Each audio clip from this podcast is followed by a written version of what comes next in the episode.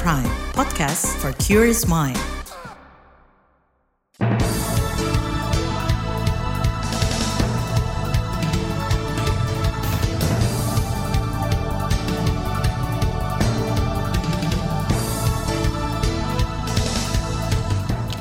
Selamat pagi saudara, bersama saya Naomi Liandra. Sejumlah informasi pilihan telah kami siapkan di antaranya. Pemerintah diminta serius sikapi ancaman enggan lapor SPT. Jokowi janji selesaikan masalah kelangkaan solar subsidi nelayan. Bawaslu Banyuwangi temukan puluhan dugaan pelanggaran coklit pemilu. Inilah buletin pagi selengkapnya. Terbaru di buletin pagi. Pemerintah diingatkan agar tidak menyelewengkan pengelolaan pajak dari rakyat. Hal itu disampaikan bekas Ketua Umum Pengurus Besar Nahdlatul Ulama PBNU Said Akil Siroj usai menjenguk David, seorang remaja yang diduga dianiaya anak dari bekas pejabat Ditjen Pajak Jakarta Selatan, Rafael Alun Trisambodo. Rafael disorot lantaran memiliki harta kekayaan fantastis hingga 56 miliar rupiah. Said meminta pemerintah serius mengawasi kinerja para pegawai Ditjen Pajak. Dia juga menyinggung kasus penyelewengan pajak yang dilakukan bekas pegawai pajak Gayus Tambunan. Saat itu Said masih menjabat sebagai Ketua Umum PBNU. Waktu itu baru ada kejadian, siapa? Gayus Tambunan. Keputusan para kiai bahwa kalau uang pajak selalu diselewengkan, NU akan sikap tegas, warga NU tidak usah bayar pajak. Ex-Ketua Umum PBNU Said Akil Siroj menyebut ancaman pembangkangan membayar pajak bisa terjadi jika ada bukti penyelewengan. Saudara belakangan ini muncul narasi di media sosial terkait keengganan masyarakat melaporkan surat pemberitahuan tahunan SPT. Narasi itu mengemuka buntut isu gaya hidup mewah sejumlah pegawai pajak. Gaya hidup pejabat pajak itu disorot usai kasus penganiayaan yang dilakukan anak dari bekas pegawai pajak Rafael. Batas akhir lapor SPT bagi wajib pajak orang pribadi adalah 31 Maret, sedangkan bagi wajib pajak badan, batas akhir lapor SPT adalah 30 April. Merespon hal itu, Menteri Keuangan Sri Mulyani mengaku memahami kekecewaan dari masyarakat terhadap institusi Ditjen Pajak. Menkeu menegaskan kementeriannya berkomitmen mengelola pajak sesuai aturan dengan profesional. Dia mengajak rakyat Indonesia untuk tetap taat membayar kewajiban pajak. Saya berharap masyarakat ikut di dalam menjaga suatu institusi dan instrumen yang penting bagi negara. Ini adalah uang rakyat, uang kita semuanya. Jadi kewajiban perpajakan adalah kewajiban yang diatur undang-undang dan hasil dari pajak juga dinikmati oleh masyarakat sendiri, apakah itu di bidang pendidikan, kesehatan, bantuan sosial, Sri Mulyani memastikan penerimaan pajak dari rakyat merupakan instrumen penting bagi negara. Dia berjanji akan terbuka dalam mengelola uang rakyat. Sementara itu, kalangan anggota dewan menilai ancaman enggan melapor SPT tahunan merupakan imbas dari hedonisme pejabat di Kementerian Keuangan. Anggota Komisi Keuangan DPR Anis Biarwati mengatakan gaya pamer hidup mewah dianggap melanggar etika kepatutan dan tidak peka terhadap krisis yang membebani masyarakat. Apalagi ada beberapa pejabat yang ternyata memiliki kekayaan tidak wajar. Dan sebelumnya kan kita baca beritanya tuh bahwa KPK sudah memperingatkan sebelum ini. Sebelum kejadian ini KPK sudah memperingatkan. Jadi harusnya tuh lebih dini, deteksi dini itu penting gitu loh. Jadi uh, kewajaran dengan gaya hidup itu masih dilihat, masih di, uh, deteksi itu dilakukan tidak eh, adanya ketidakwajaran kan mestinya ada penindakan di internal dulu. Sistem pelayanan internal itu harus berjalan harusnya dan ini uh, berarti bahwa selama ini belum sampai ke sana dan ini pelajaran penting buat Menteri Keuangan untuk lebih lagi Anggota Komisi Keuangan DPR Anis Biarwati mengatakan komisinya kemungkinan bakal memanggil Menteri Keuangan Sri Mulyani dan jajarannya terkait kasus ini. Kata dia DPR akan menyoroti serius setiap kasus yang berpotensi merugikan negara dan menurunkan penerimaan pajak. Terlepas dari itu, dia mengimbau masyarakat untuk taat pajak dan lapor SPT tahunan. Pengamat kebijakan publik dari Universitas Trisakti Jakarta, Trubus Rahadian Syah menilai, ramainya narasi enggan lapor SPT hingga bayar pajak hanya bersifat politis. Trubus menyarankan pemerintah segera mengatasi respons publik ini secara cepat dan memberi penjelasan secara komprehensif. Menurut dia, kasus Rafael membuat publik makin mencurigai kekayaan para pejabat yang tidak wajar. Dia mendorong pemerintah melakukan pengawasan secara ketat terhadap kekayaan pejabat negara. Keengganan masyarakat melapor SPT tahunan bisa berdampak pada menurunnya pendapatan pajak negara. Menurut Direktur Pusat Studi Ekonomi dan Hukum Selios, Bima Yudhistira, target rasio pajak di atas 10 persen bisa tidak tercapai. Kata dia, kondisi itu bisa berpengaruh terhadap target menurunkan defisit APBN terhadap produk domestik bruto PDB. Kalau kita tidak bayar pajak, tidak melaporkan SPT, tentu dampaknya juga negara akan lebih banyak untuk berutang. Karena pilihannya cuma dua, pajaknya dinaikkan, kepatuhannya, atau pemerintah menutup defisit dengan menambah utang. Dan itu yang nanti yang ujungnya menanggung juga rakyat Indonesia. Ekonom Bima Yudhistira mengajak masyarakat untuk tetap patuh membayar pajak. Saudara Presiden Jokowi berjanji bakal menyelesaikan kelangkaan solar bersubsidi yang dikeluhkan nelayan. Tetaplah di Buletin Pagi KBR. You're listening to KBR Pride, podcast for curious mind. Enjoy!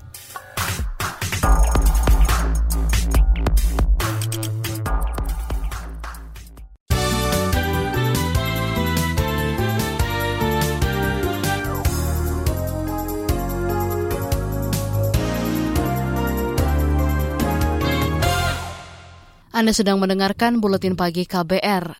Presiden Joko Widodo berjanji akan menyelesaikan masalah sulitnya nelayan mendapatkan solar bersubsidi. Hal itu disampaikan Jokowi merespons keluhan para nelayan di Kampung Nelayan Tanjung Pasir Tarakan, Kalimantan Utara. Keluhan itu diterima Jokowi saat mengunjungi Tarakan kemarin. Secara umum baik, tetapi ada keluhan mengenai solar bersubsidi yang sering kadang-kadang tidak mereka dapatkan. Presiden Jokowi mengatakan para nelayan juga meminta pemerintah melakukan peremajaan peralatan nelayan. Jokowi mengaku telah menghubungi kementerian terkait untuk memenuhi kebutuhan para nelayan. Kita ke informasi pemilu. Menteri Koordinator Bidang Politik Hukum dan Keamanan Menko Polhukam Mahfud MD memastikan pemilu 2024 akan dilaksanakan sesuai jadwal. Mahfud menegaskan dirinya bertanggung jawab terhadap terselenggaranya pemilu. Itu disampaikan Mahfud saat acara cangkrukan Menko Polhukam kemarin. Pemilu akan dilakukan sesuai dengan kalender konstitusi. Lima tahun sekali, tidak ada perpanjangan, tidak ada penundaan. Sampai sekarang, pemerintah begitu dan itu yang ditunjukkan oleh pemerintah dengan semua instrumen yang disiapkan dan saya bertang salah seorang yang bertanggung jawab agar pemilu itu terlaksana dengan baik. Itu tadi Menko Polhukam Mahfud MD. Sebelumnya Presiden Joko Widodo juga menegaskan pemilu akan digelar pada 14 Februari 2024 dan pemilihan kepala daerah pada November 2024. Kita ke informasi selanjutnya. Majelis Kehormatan Mahkamah Konstitusi MKMK memeriksa Ketua Mahkamah Konstitusi Anwar Usman terkait dugaan pengubahan frasa putusan kemarin. Ketua Majelis Kehormatan Idewa Gede Palguna mengatakan Anwar Usman diperiksa usai memimpin sidang. Sebelumnya pemeriksaan juga dilakukan terhadap Hakim Konstitusi Soehartoyo Senin lalu.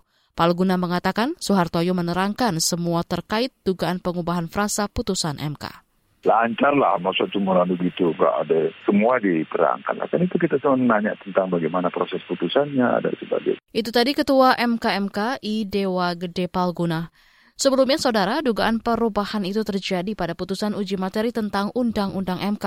Uji materi diajukan terkait pencopotan Hakim Aswanto. Perubahan terjadi pada frasa, dengan demikian menjadi ke depannya. Beralih ke informasi kesehatan. Saudara, mulai hari ini aplikasi Peduli Lindungi akan berubah menjadi satu sehat. Deputi Transformasi Digital Kementerian Kesehatan Agus Rahmanto mengatakan, masyarakat hanya perlu memperbarui aplikasi untuk bisa berubah secara otomatis ke satu sehat kita hanya memberitahukan bahwa memang akan ada perubahan. Nah, masyarakat tinggal menunggu sebenarnya nanti di tanggal 1 Maret ini hmm. uh, aplikasi peduli yang di handphone akan berubah sendiri gitu seperti itu. Kalau memang uh, memerlukan update nanti akan diupdate tinggal diupdate aja, tapi tidak perlu lagi mengunduh ulang ataupun uh, melakukan registrasi ulang gitu. Jadi enak buat uh, teman-teman, buat sobat sehat semuanya. Ya nanti tinggal lihat cek di handphonenya, oh sudah berubah. Deputi Transformasi Digital Kementerian Kesehatan Agus Rahmanto menjelaskan, fitur-fitur seperti vaksinasi dan tes COVID-19 akan tersedia dalam waktu dekat. Fitur itu akan bernama Diari Kesehatan di aplikasi Satu Sehat. Fitur itu sekaligus bisa mencatat dan memonitor kondisi kesehatan diri dan orang-orang terdekat. Kita ke informasi lain, saudara. Mayoritas petani di Indonesia saat ini sudah berusia tua. Hal itu disampaikan anggota Dewan Pengarah Badan Riset dan Inovasi Nasional BRIN, Marsudi Wahyu Kisworo. Menurutnya, regenerasi petani menjadi masalah yang perlu segera diselesaikan. Survei yang pernah kami lakukan, itu jumlah petani yang umurnya di bawah 50 tahun itu tinggal 40 persen. Yang 60 persen itu sudah kakek-kakek, nenek-nenek yang udah nggak kuat ngapa-ngapain begitu. Jadi petani. Yang muda-muda nggak mau jadi petani. Survei yang berikutnya, ketika seorang anak muda, anak petani, kita tanya, mau jadi petani atau tidak? Dari 100 orang, hanya tiga yang cita-citanya jadi petani. Anggota Dewan Pengarah BRIN Marsudi Wahyu Kisworo mengatakan regenerasi petani perlu dilakukan karena kebutuhan pangan terus meningkat setiap tahun.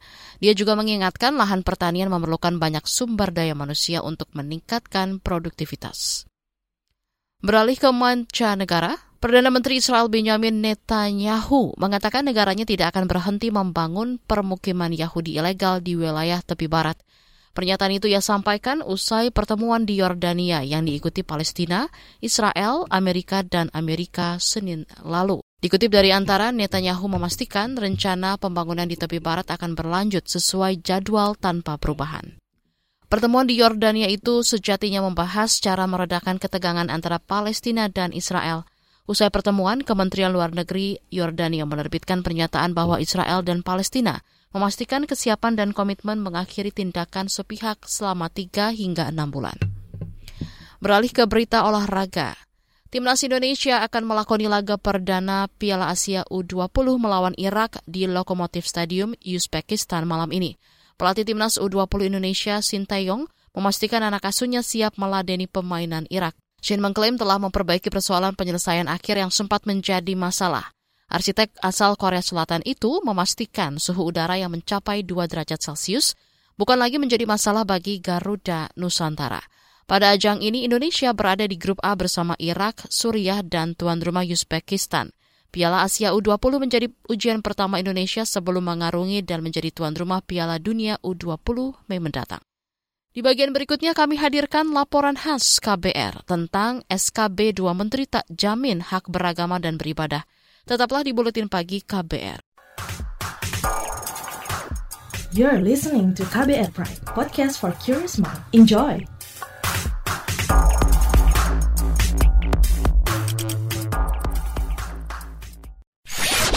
Commercial break. Commercial break.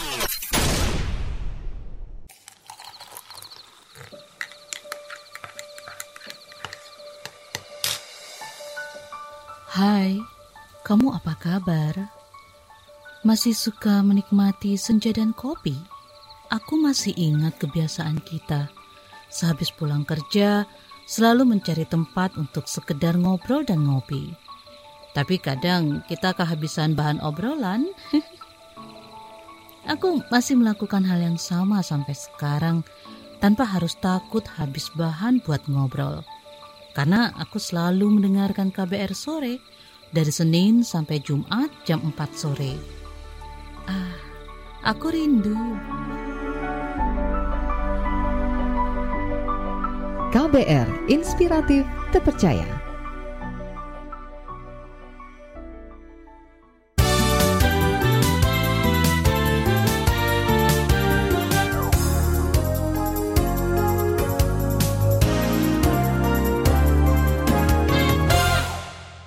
Anda masih bersama kami di Buletin Pagi KBR. Saudara, pemerintah mempertahankan peraturan bersama Menteri Agama dan Menteri Dalam Negeri tentang syarat pendirian rumah ibadah. Padahal aturan ini dikritik dan diprotes sejumlah pihak karena dinilai diskriminatif. Lantas bagaimana solusinya? Berikut laporan khas KBR disusun jurnalis Siti Sadida. Kementerian Dalam Negeri Kemendagri menyatakan belum ada kebutuhan mendesak untuk mengevaluasi atau mencabut peraturan bersama Menteri Agama dan Menteri Dalam Negeri terkait syarat pendirian rumah ibadah atau SKB dua menteri. Sekretaris Jenderal Kemendagri, Suhajar Diantor mengakui ada sejumlah pihak meminta pemerintah mengkaji ulang peraturan tersebut. Negara menjamin kemerdekaan setiap orang memeluk agamanya, agamanya masing-masing dan untuk beribadat menurut agamanya dan kepercayaannya itu. Itu yang berulang-ulang ditekankan oleh Bapak Presiden setiap pertemuan kita semua, bukan hanya di FKUB tapi di semua kegiatan-kegiatan kemasyarakatan. Kenapa? Karena betapa pentingnya hal ini. Dorongan untuk memberikan jaminan kebebasan beragama dan beribadah sempat disampaikan Presiden Joko Widodo pertengahan Januari 2023. Itu disampaikan Presiden saat rapat Koordinasi Nasional Rakornas Kepala Daerah dan Forum Koordinasi Pimpinan Daerah Forkopimda di Bogor, Jawa Barat. Ia meminta para pimpinan daerah memberikan jaminan kebebasan beragama dan beribadah. Konstitusi tidak boleh kalah dengan kesepakatan. Ada rapat FKUB misalnya, ini misalnya, maka tidak memperbolehkan membangun tempat ibadah. Hati-hati loh, konstitusi kita hati-hati loh. Menjamin itu, ada peraturan wali kota, atau ada instruksi bupati. Hati-hati loh, kita semua harus tahu masalah ini. Konstitusi kita itu memberikan kebebasan beragama dan beribadah. Jokowi menekankan agama minoritas juga memiliki hak beribadah sama dengan agama mayoritas di tanah air, yaitu Islam. Ini yang beragama Kristen, Katolik, Hindu, Konghucu, hati-hati. Ini memiliki hak yang sama dalam beribadah. Namun penegasan dan dorongan tersebut bertolak belakang dengan keputusan pemerintah yang masih mempertahankan SKB 2 Menteri. Itu sebab Lembaga Peduli Hak Asasi Manusia Setara Institut mempertanyakan pernyataan Presiden. Data Setara Institut 2007 hingga 2022 menunjukkan terjadi lebih dari 570 gangguan terhadap peribadatan dan tempat ibadah dalam satu setengah dekade terakhir. Bentuknya antara lain pembubaran dan penolakan peribadatan, pembakaran, dan lain sebagainya.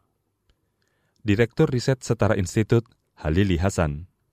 Kalau negara kekeh mempertahankan PBM dari sisi substansi itu, menurut saya itu bentuk arogansi negara untuk menyangkal terjadinya begitu banyak pelanggaran dan pembatasan terhadap kelompok minoritas itu. Yang lain selain persoalan substansi adalah persoalan mekanisme pengaturan. Apakah PBM itu cukup memadai untuk mengatur terjadinya pembatasan?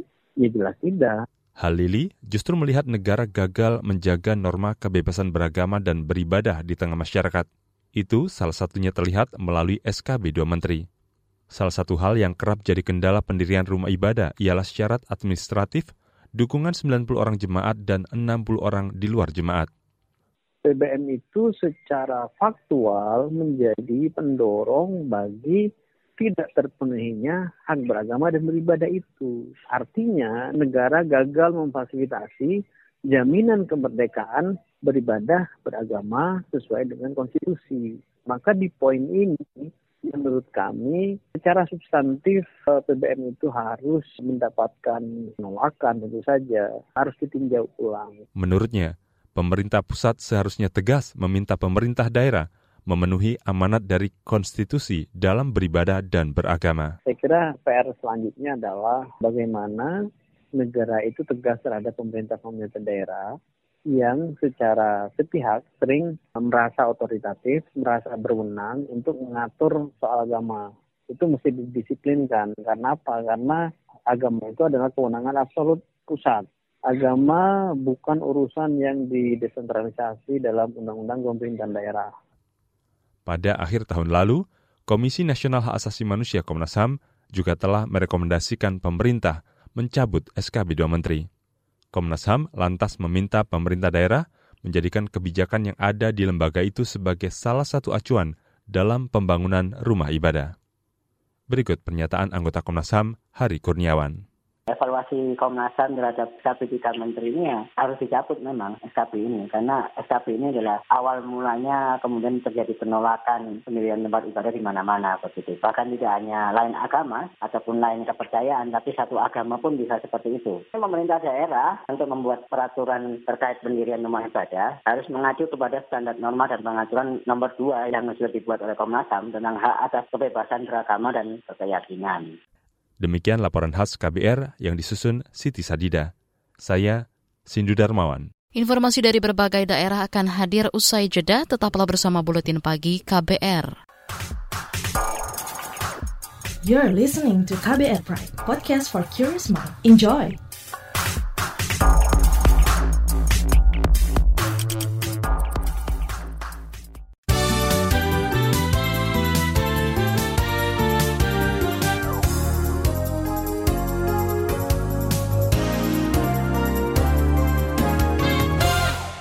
Inilah bagian akhir buletin KBR.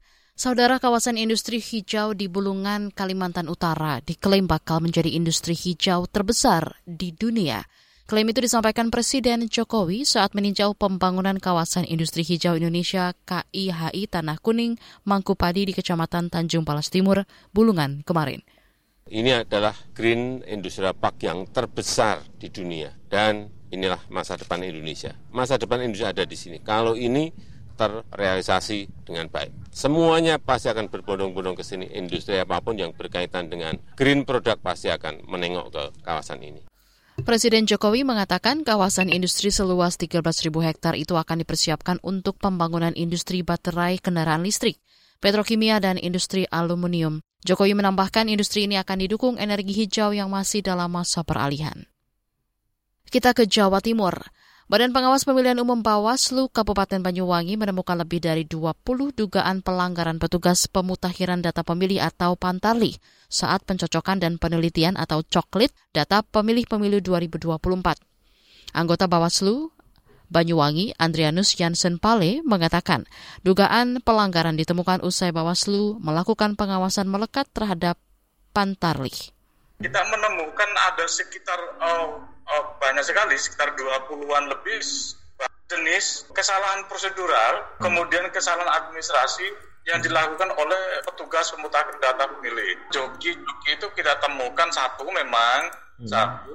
Lalu kemudian itu yang jelas-jelas ditemukan ada ada buktinya. Yang tidak bisa kita temukan itu uh, kita pastikan banyak juga Anggota Bawaslu Banyuwangi Andrianus Jansen Pale menambahkan, lembaganya meminta Komisi Pemilihan Umum KPU Banyuwangi untuk segera melakukan perbaikan. Kita ke daerah lain. Perhimpunan Pendidikan dan Guru P2G mengkritik kebijakan Gubernur Nusa Tenggara Timur NTT, Victor Bungitlu Laiskodat, terkait jam masuk sekolah SMA pukul 5 pagi. Koordinator Nasional P2G Satriwan Salim mengatakan semestinya pemerintah setempat memperhatikan aspek keamanan dan keselamatan siswa. Nah tentu kan ini punya resiko ya dari faktor keamanan gitu kan uh, angkotnya uh, apa namanya belum ada gitu kan kemudian suasananya masih agak sepi gitu ya dan anak-anak ada yang berjalan kaki gitu menuju sekolah gitu. Nah ini tentu harus dipertimbangkan dari aspek geografis, dari aspek keamanan siswa. Koordinator Nasional P2G Satriwan Salim menambahkan peningkatan mutu pendidikan tidak mesti dengan menerapkan jam masuk sekolah pagi. Kata dia, Pemprov NTT seharusnya membenahi sejumlah masalah pendidikan, seperti minimnya kesejahteraan guru, sarana dan prasarana, disparitas pendidikan, serta perbaikan gizi anak. Sementara itu, Gubernur NTT Victor Laiskodat mengatakan jam masuk pagi hanya diterapkan di SMA 1 dan SMA 6 Kupang. Kata dia kebijakan itu dikeluarkan untuk melatih kedisiplinan siswa. Selanjutnya, pemerintah Provinsi Jawa Tengah menggelontorkan dana hibah hingga 140 miliar rupiah Gubernur Jawa Tengah Ganjar Pranowo mengatakan dana hibah itu diberikan di antaranya untuk organisasi masyarakat dan partai politik. Jadi semua kurang lebih 148,1 miliar dan ini instansi vertikalnya ada 9 ya dan ini kurang lebih anggarannya sekitar 9 miliar lebih dikit untuk partai politik ada 9 partai ini 33,9 miliar, lalu ormasnya ada 2.212 ormas, anggarannya seberas 105,1 miliar. Nah, tadi saya pesankan karena anggarannya ini tidak kecil secara keseluruhan, maka kita harapkan penggunaannya juga baik. Gubernur Jawa Tengah Ganjar Pranowo menjelaskan dana hibah tersebut berasal dari APBD provinsinya tahun anggaran 2023. Dari informasi yang dihimpun KBR, penerima dana hibah tahun 2023 meningkat dua kali lipat dari tahun 2022 kemarin sebanyak 640-an penerima. Informasi tadi menutup jumpa kita di Buletin Pagi hari ini. Pantau informasi terbaru melalui kabar baru, situs kbr.id, Twitter at berita KBR, dan juga podcast di kbrprime.id. Saya Naomi Liandra bersama tim yang bertugas undur diri. Salam.